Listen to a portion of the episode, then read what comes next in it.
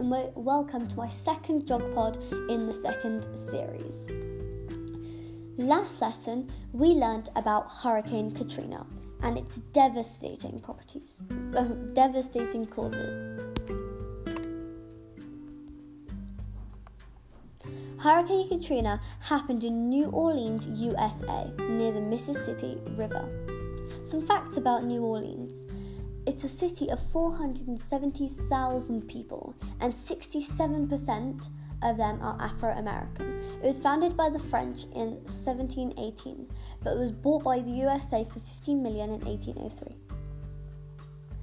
New Orleans lies in a basin below sea level, so it's always been vulnerable for flooding. New Orleans is protect- protected from flooding by levees.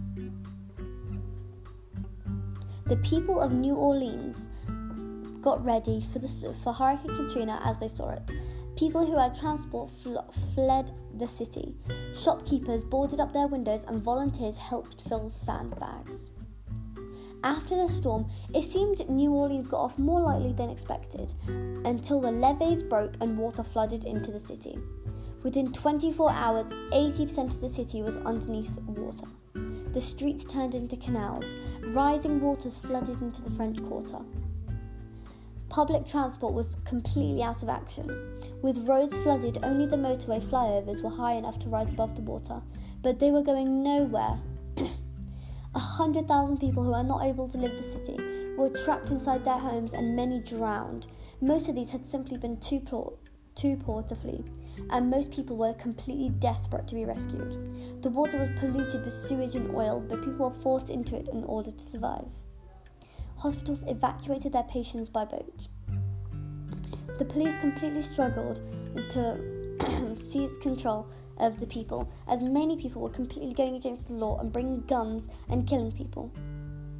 Helicopters were used to, to rescue some people, but with no means of evacuation, con- conditions continue to deteriorate for most who are still trapped inside of the city. 23,000 people had to take refuge in the New Orleans Super Bowl without running water and good sanitation.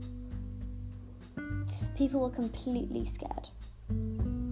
The disaster, the disaster happened because of the Hurricane Katrina but for the last four days of it, it was actually humans' fault because of the levees they broke. They weren't strong enough.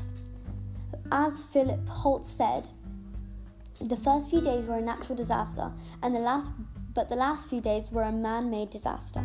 Thank you so much for listening to my second Geog pod, and I hope you have a great day. Bye.